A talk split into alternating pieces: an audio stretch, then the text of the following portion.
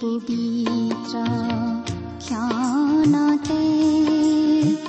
উজলি উঠা খ্ৰীষ্টৰ জ্যোতি নমস্কাৰ আমাৰ মৰমীয়াল প্ৰভু যীশুৰ মহান নামেৰে আপোনাক এয়া ভক্তিবচন অনুষ্ঠানলৈ আদৰিছো।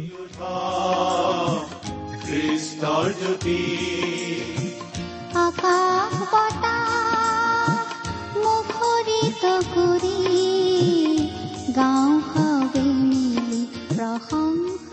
ঈশ্বৰে আপোনাক যি অসীম প্ৰেম কৰিলে তাক যদি অনুভৱ কৰিব বিচাৰে আৰু তেওঁৰ অগম্য বাক্যৰ মৌ মিঠা সোৱাদ ল'ব বিচাৰে তেন্তে আহক আজিৰ ভক্তিবচন অনুষ্ঠানটো মনোযোগেৰে শুনো। এয়া আপোনালৈ আগবঢ়াইছো ঈশ্বৰৰ জীৱন্ত বাক্যৰ অনুষ্ঠান ভক্তিবচন।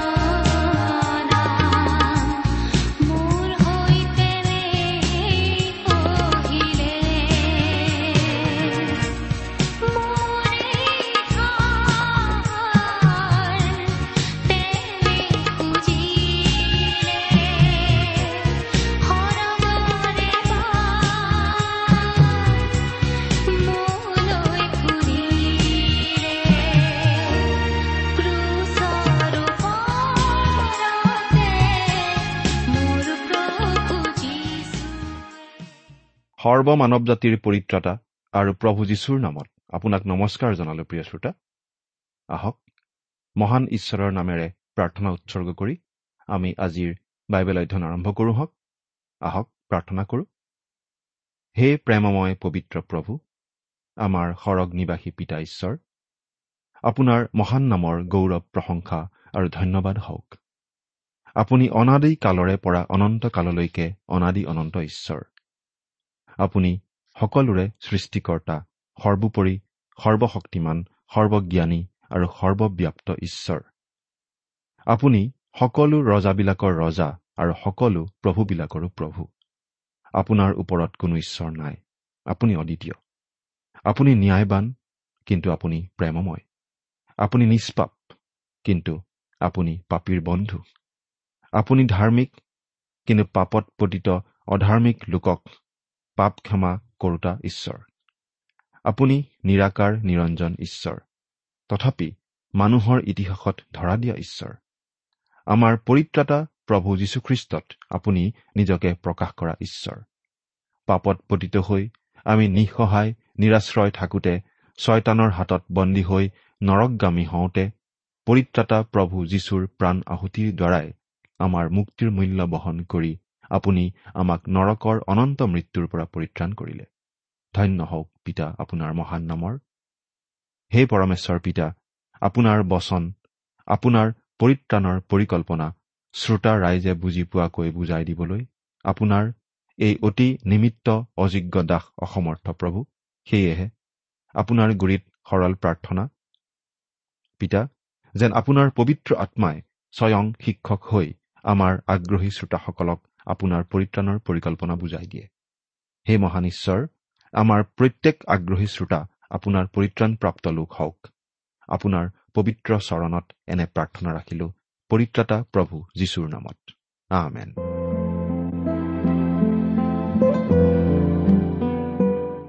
প্ৰিয় শ্ৰোতা আপুনি বাৰু কেতিয়াৰ পৰা আমাৰ এই অনুষ্ঠান শুনি আহিছে?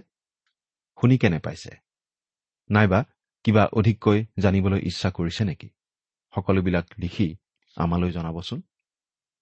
আমাৰ ঠিকনাটো অনুষ্ঠানৰ শেষত আকৌ ঘোষণা কৰা হ'ব তথাপি আমি এইখিনিতে আকৌ এবাৰ জনাই দিছো। ভক্তিবচন টি ডব্লিউ আৰ ইণ্ডিয়া ডাক বাকচ নম্বৰ সাত শূন্য গুৱাহাটী সাত আঠ এক শূন্য শূন্য এক। ভক্তিবচন T W R India post box number seventy Guwahati seven eight one zero' zero' one. আমাৰ website W W W dot radio' eight eight two dot com প্ৰিয় শ্ৰোতা ঈশ্বৰে তেওঁৰ মনোনীত জাতি তেওঁৰ নিজৰ লোকসকলক এক দিহা পৰামৰ্শ দিছিল। তেওঁক আৰাধনা কৰা আৱাসস্থান কিহেৰে আৰু কেনেকৈ নিৰ্মাণ কৰিব লাগিব সেই বিষয়ে। বৰ খুটি নাতি দিহা। বহুতৰ বাবে হয়তো ই বৰ আমনিদায়ক হ'ব পাৰে।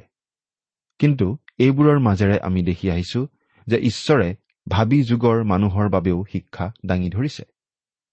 উদাহৰণস্বৰূপে চাওক ইয়াৰ আগৰ অধ্যায়ত আমি আলোচনা কৰা পিতলৰ যজ্ঞবেদী আৰু পিতলৰ প্ৰক্ষালন পাত্ৰৰ কথাকে। আৱাসৰ ভিতৰলৈ প্ৰৱেশ কৰাৰ পূৰ্বেই আৱাসৰ বাহিৰ চোতালত প্ৰথমতে আছে যজ্ঞবেদী যি যজ্ঞবেদী আৰাধনাৰ বলি উৎসৰ্গ কৰাৰ বাবে আছিল। এয়া আছিল ভাবিকালৰ প্ৰভু যীশুৰ ক্ৰুচীয় বলিৰ ছবি। এতিয়া আপোনাৰ আৰু মোৰ ঈশ্বৰৰ সান্নিধ্যলৈ অহাৰ প্ৰথম কামটো হ'ল আপোনাৰ আৰু মোৰ বাবে মুক্তিৰ মূল্য বহন কৰা সেই প্ৰভূত বিশ্বাস স্থাপন কৰাটো। তাৰ পাছতেই আছিল হাত মুখ ভৰি ধুবৰ বাবে পানীৰে ভৰা প্ৰক্ষালন পাত্ৰ। যজ্ঞবেদীত বলি উৎসৰ্গ কৰাৰ পাছত প্ৰকৃত আৱাসত সোমোৱাৰ আগতে পুনৰ ধোৱা পখলা কৰাৰ পাছতহে সোমাব আৰু ঈশ্বৰৰ সেৱা আৰাধনা কৰিব পাৰিছিল। ই বাৰু কিহক বুজায়?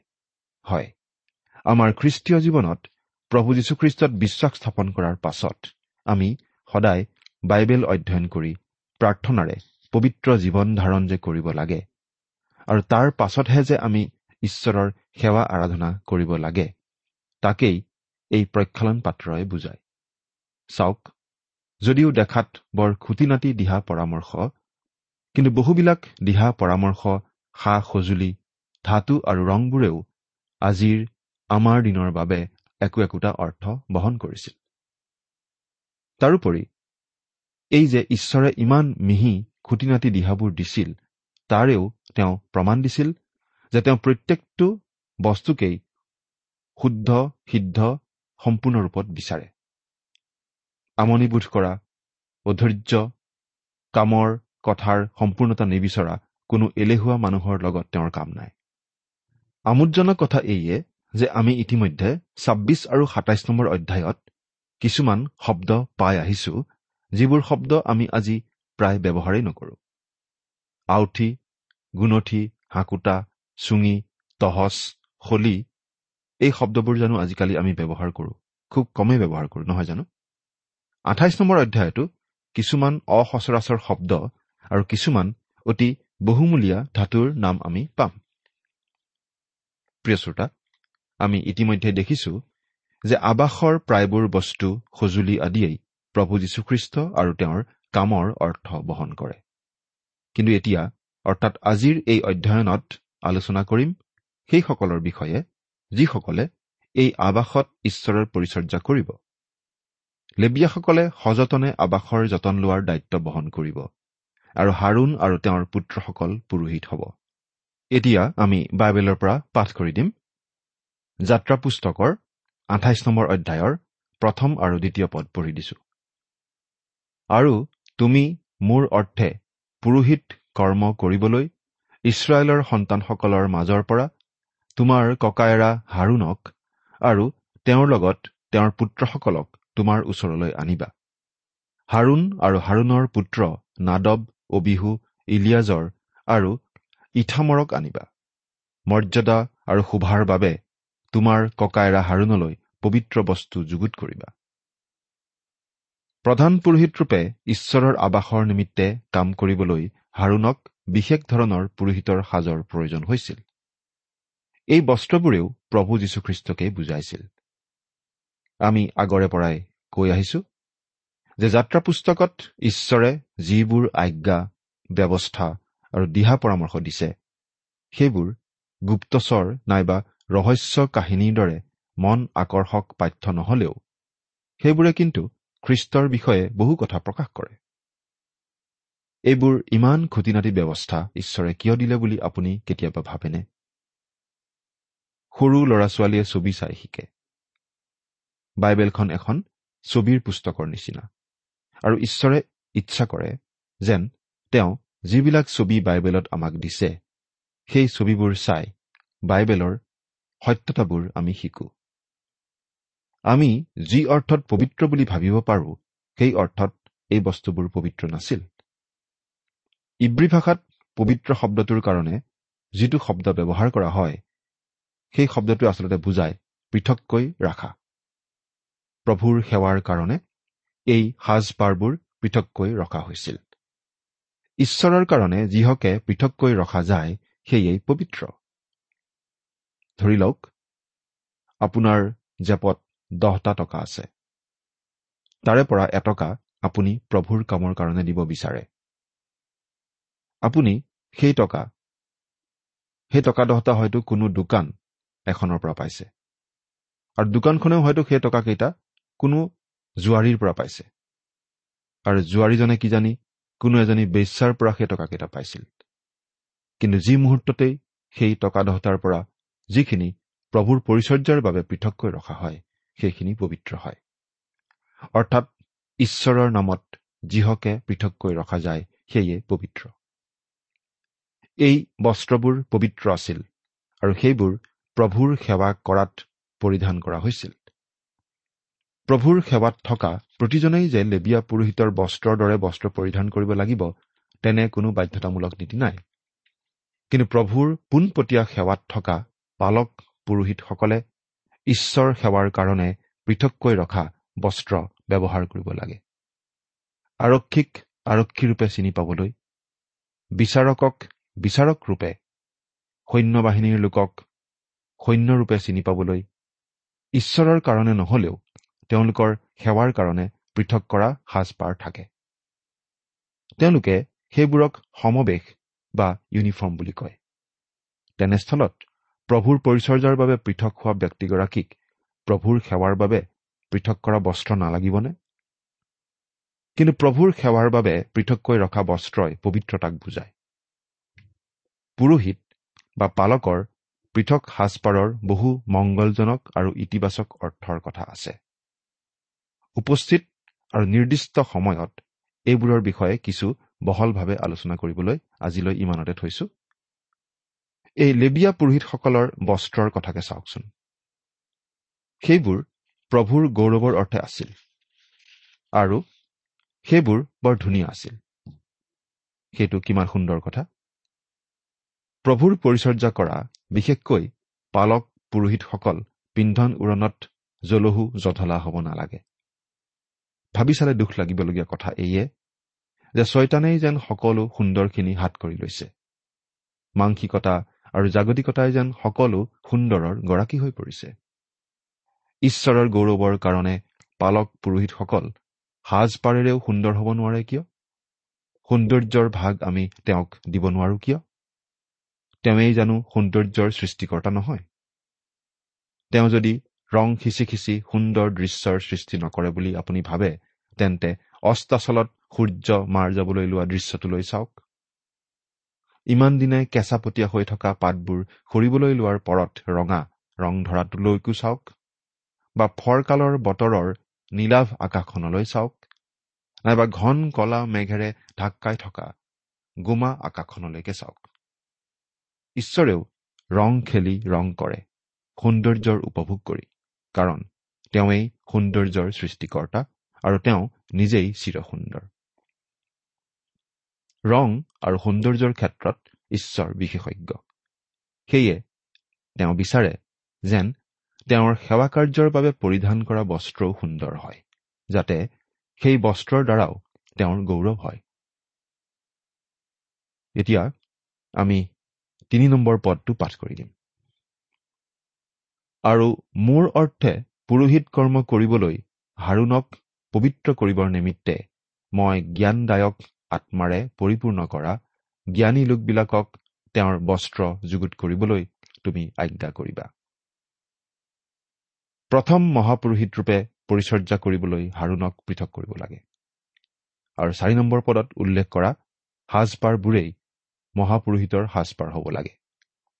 অৱশ্যে সেইবোৰ তেওঁৰ উত্তৰাধিকাৰ পুৰোহিতসকললৈ হস্তান্তৰ কৰিব লাগিব। চাৰি নম্বৰ পদ। তেওঁলোকে যুগুত কৰিবলগীয়া বস্তু এই। বুকু পতা এফুড জামা গাড়ী দিয়া অংগৰক্ষক বস্ত্ৰ পাগ আৰু টঙালি। তোমাৰ ককায়েৰা হাৰুণে মোৰ অৰ্থে পুৰোহিত কৰ্ম কৰিবলৈ তেওঁৰ আৰু তেওঁৰ পুত্ৰকেইজনৰ নিমিত্তে তেওঁলোকে পবিত্ৰ বস্ত্ৰ যুগুত কৰিব। ইয়াত আমি দেখিলো যে ঈশ্বৰৰ পুৰোহিত কৰ্ম কৰোঁতে ছয়বিধ বস্ত্ৰ পৰিধান কৰিব লাগে। এইবোৰ হাৰুণে পৰিধান কৰিব লাগে আৰু তেওঁৰ উত্তৰাধিকাৰীসকলে পৰিধান কৰিব লাগিব। পাঁচ নম্বৰ পদ। তেওঁলোকে সেই সোণবৰণীয়া আৰু নীলবৰণীয়া বেঙেনা বৰণীয়া আৰু ৰঙা বৰণীয়া সূতা আৰু মিহি সন সূতা ল'ব। অতি উত্তম সূতাৰ পৰা তেওঁলোকে সেই বস্ত্ৰ তৈয়াৰ কৰিব আৰু বস্ত্ৰৰ ৰঙো মনোমোহা হ'ব লাগে। হয় ঈশ্বৰৰ নিমিত্তে আমি আটাইতকৈ উত্তমটোকেই ৰখা উচিত। কিন্তু সেয়া কেৱল ঈশ্বৰৰ নিমিত্তেই হ'ব লাগে তাত মোৰ বা আপোনাৰ কথাটো আহিব নালাগিব।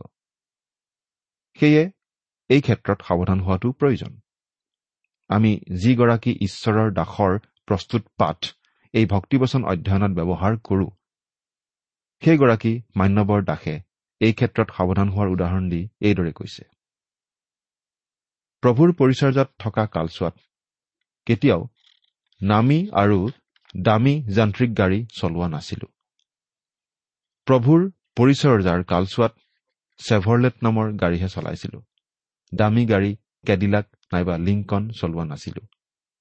ঈশ্বৰৰ কাম কৰোঁতে কেডিলাক বা লিংকন ব্যৱহাৰ কৰিব পৰাৰ অধিকাৰ জানো মোৰ নাছিল। ঈশ্বৰৰ গৌৰৱৰ কাৰণে জানো আটাইতকৈ উত্তমটো দিয়া অনুচিত। ইয়াতেই সাৱধান হোৱা উচিত। কথাবোৰ দুবাৰ তিনিবাৰ চিন্তা কৰি চোৱা উচিত।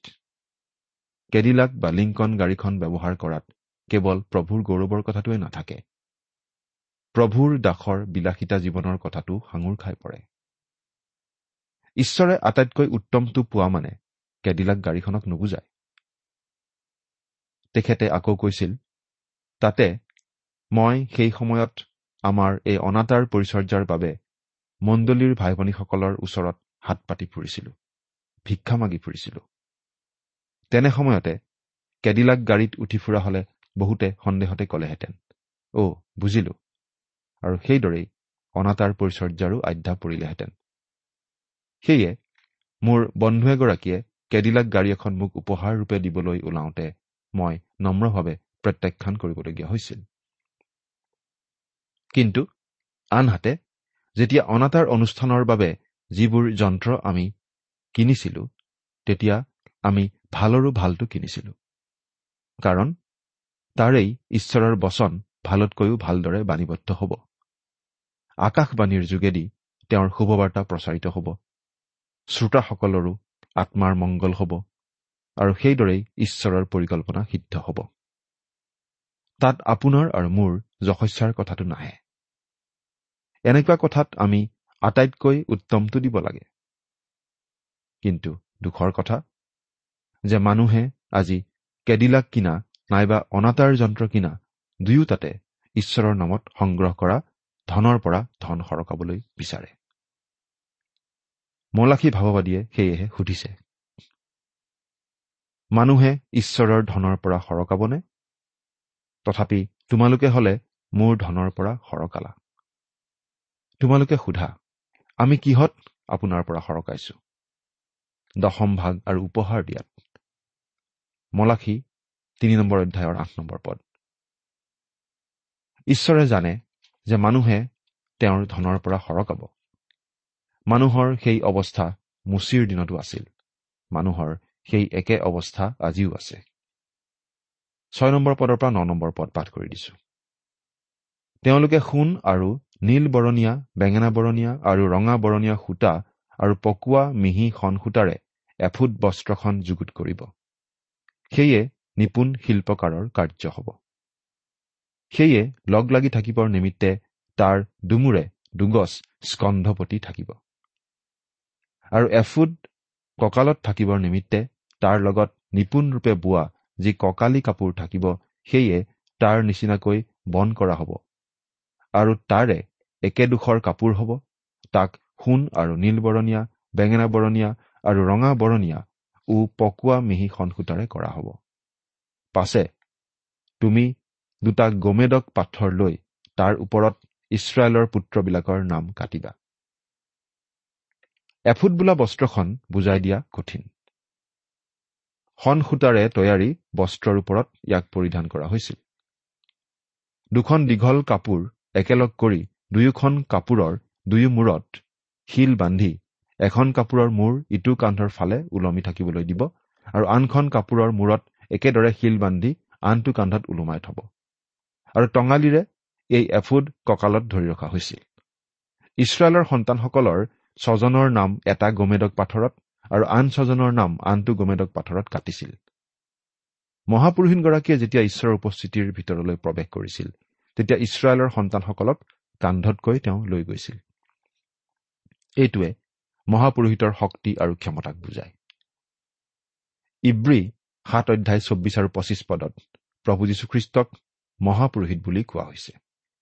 এই পদ দুটাত কৈছে কিন্তু তেওঁ হলে অনন্তকাললৈকে থকাৰ কাৰণে সলনি নোহোৱা পৌৰোহিত্যৰ অধিকাৰী হৈছে।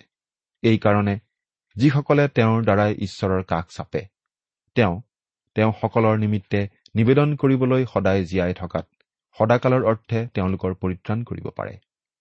চাওক পৰিত্ৰাণ দান কৰিবলৈ আমাৰ প্ৰভু সমৰ্থবান প্ৰভু। তাকে কৰিবলৈ তেওঁৰ শক্তি আৰু ক্ষমতা আছে।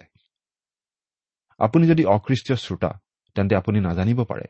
কিন্তু যদি আপুনি খ্ৰীষ্টীয় শ্ৰোতা তেন্তে আপোনাৰ সেই হেৰুৱা ভেড়াটোৰ কথা নিশ্চয় মনত পৰিব কেনেকৈ জাকৰ পৰা পথভ্ৰষ্ট হৈ ভেড়াটো হেৰাইছিল আৰু কেনেকৈ ভেড়া পালকটোৱে তাক বিচাৰি বিচাৰি অৱশেষত বিচাৰি পাই তাক কান্ধত তুলি লৈ আহিছিল। দহ পদৰ পৰা ষোল্ল নম্বৰ পদ। তেওঁলোকৰ জন্মৰ ক্ৰম অনুসাৰে ছটা নাম এটা পাথৰৰ ওপৰত আৰু বাকী ছটা নাম আন পাথৰটোৰ ওপৰত কাটিবা। পাথৰৰ খনিকৰে কৰা কাৰ্যৰ দৰে মোহৰ কটা নিচিনাকৈ সেই দুটা পাথৰৰ ওপৰত ইছৰাইলৰ পুত্ৰবিলাকৰ নাম কাটিবা। আৰু সেই দুটা পাথৰ দুটা সোণৰ ঘৰত খুৱাই দিবা। আৰু ইছৰাইলৰ সন্তানবিলাকৰ স্মৰণাৰ্থক পাথৰ হবলৈ তুমি সেই দুটা পাথৰ এফুদৰ স্কন্ধপতি দুগছত লগাই দিবা। আৰু হাৰুণে সোঁৱৰণৰ অৰ্থে জিহুৱাৰ সাক্ষাতে নিজৰ দুই কান্ধত তেওঁলোকৰ নাম বব। আৰু তুমি সোণৰ ছটা ঘৰ কৰিবা।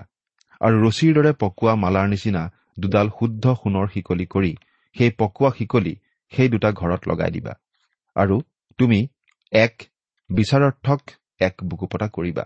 সেয়ে নিপুণ শিল্পকাৰৰ কাৰ্য হ'ব। এফুট বস্ত্ৰ কৰাৰ দৰে তাক কৰিবা। সোণবৰণীয়া আৰু নীলবৰণীয়া বেঙেনা বৰণীয়া আৰু ৰঙা বৰণীয়া সূতা আৰু পকোৱা মিহি সূতাৰে তাক যুগুত কৰিবা। তাৰ চাৰিও কোষ আৰু চাৰিওটা চুক সমান। সেয়ে দুতৰপীয়া হ'ব। সেয়ে দীঘল এবেগেট আৰু পথালিও এবেগেট হ'ব। বুকুপতা বা ইফিচিয়া ছয় নম্বৰ চৈধ্য পদত কবৰ দৰে ই আছিল বুকুবৰী। এই বুকুপতা বা বুকুবৰী পুৰোহিতৰ বস্ত্ৰৰ ওপৰত লোৱা হৈছিল আৰু ই দেখাত অতি সুন্দৰ আছিল। এই বুকুপতা আছিল সুধ বিচাৰৰ বুকুপতা কিয়?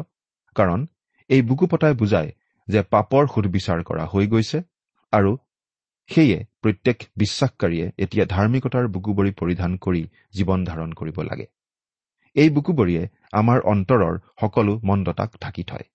ধাৰ্মিকতাৰ সেই বুকুবৰী পৰিধান কৰিহে আমি প্ৰভুৰ সন্মুখত উপস্থিত হ'ব পাৰোঁ। ইয়াৰ অৰ্থ এইটোৱেই যে আমাৰ পাপৰ সুদবিচাৰ ইতিমধ্যে হৈ গৈছে আৰু এই অৰ্থতেই এই বুকুপতাক সুদবিচাৰৰ বুকুপতা বুলিব পৰা যায়। সোতৰ পদৰ পৰা বিশ নম্বৰ পদ। আৰু চাৰি শাৰীকৈ পাথৰ খুৱাবা।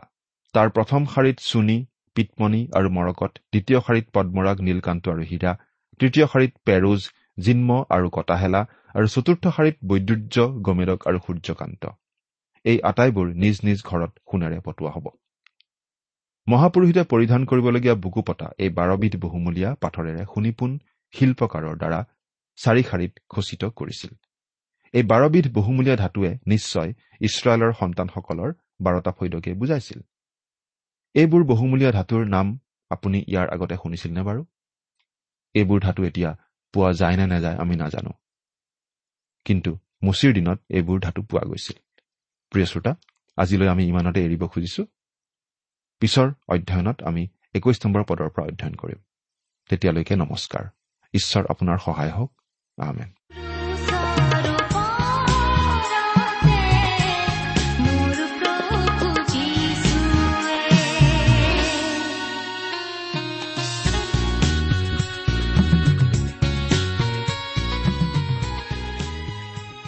ইমান পৰে আপুনি ভক্তিবচন অনুষ্ঠানটি শুনিলে। এই বিষয়ে আপোনাৰ মতামত জানিবলৈ পালে আমি নথৈ আনন্দিত হ'ম। আমি প্ৰস্তুত কৰা বাইবেল অধ্যয়নৰ আন চিডিসমূহ পাব বিচাৰিলেও আমালৈ লিখক। অনুষ্ঠানটি শুনি কেনে পালে আমালৈ চিঠি লিখি জনাবচোন। অনুষ্ঠানত প্ৰচাৰ কৰা কোনো কথা বুজিব লগা থাকিলেও আমালৈ লিখক। আমাৰ ঠিকনা? ভক্তিবচন ট্ৰান্স ৱৰ্ল্ড ৰেডিঅ' ইণ্ডিয়া ডাক বাকচ নম্বৰ সাত শূন্য গুৱাহাটী সাত আঠ এক শূন্য শূন্য এক। ঠিকনাটো আৰু এবাৰ কৈছো ভক্তিবচন ট্ৰান্স ৱৰ্ল্ড ৰেডিঅ' ইণ্ডিয়া ডাক বাকচ নম্বৰ সাত শূন্য গুৱাহাটী সাত আঠ এক শূন্য শূন্য এক। আমাৰ ইমেইল এড্ৰেছটো হৈছে এছএমইজ T T B at the rate radio' eight eight two dot com আমাৰ website W W W dot T W R dot in আপুনি টেলিফোনৰ মাধ্যমেৰেও আমাক যোগাযোগ কৰিব পাৰে। আমাৰ টেলিফোন নম্বৰটো হৈছে শূন্য তিনি ছয় এক দুই ছয় শূন্য চাৰি ছয় সাত এক। ফোন নম্বৰটো আকৌ এবাৰ কৈছো zero' three six one two six zero' four six seven one আজিৰ অনুষ্ঠানটি ইমানতে সামৰিছো। ঈশ্বৰৰ শান্তি আৰু অনুগ্ৰহ আপোনাৰ লগত থাকক। ধন্যবাদ।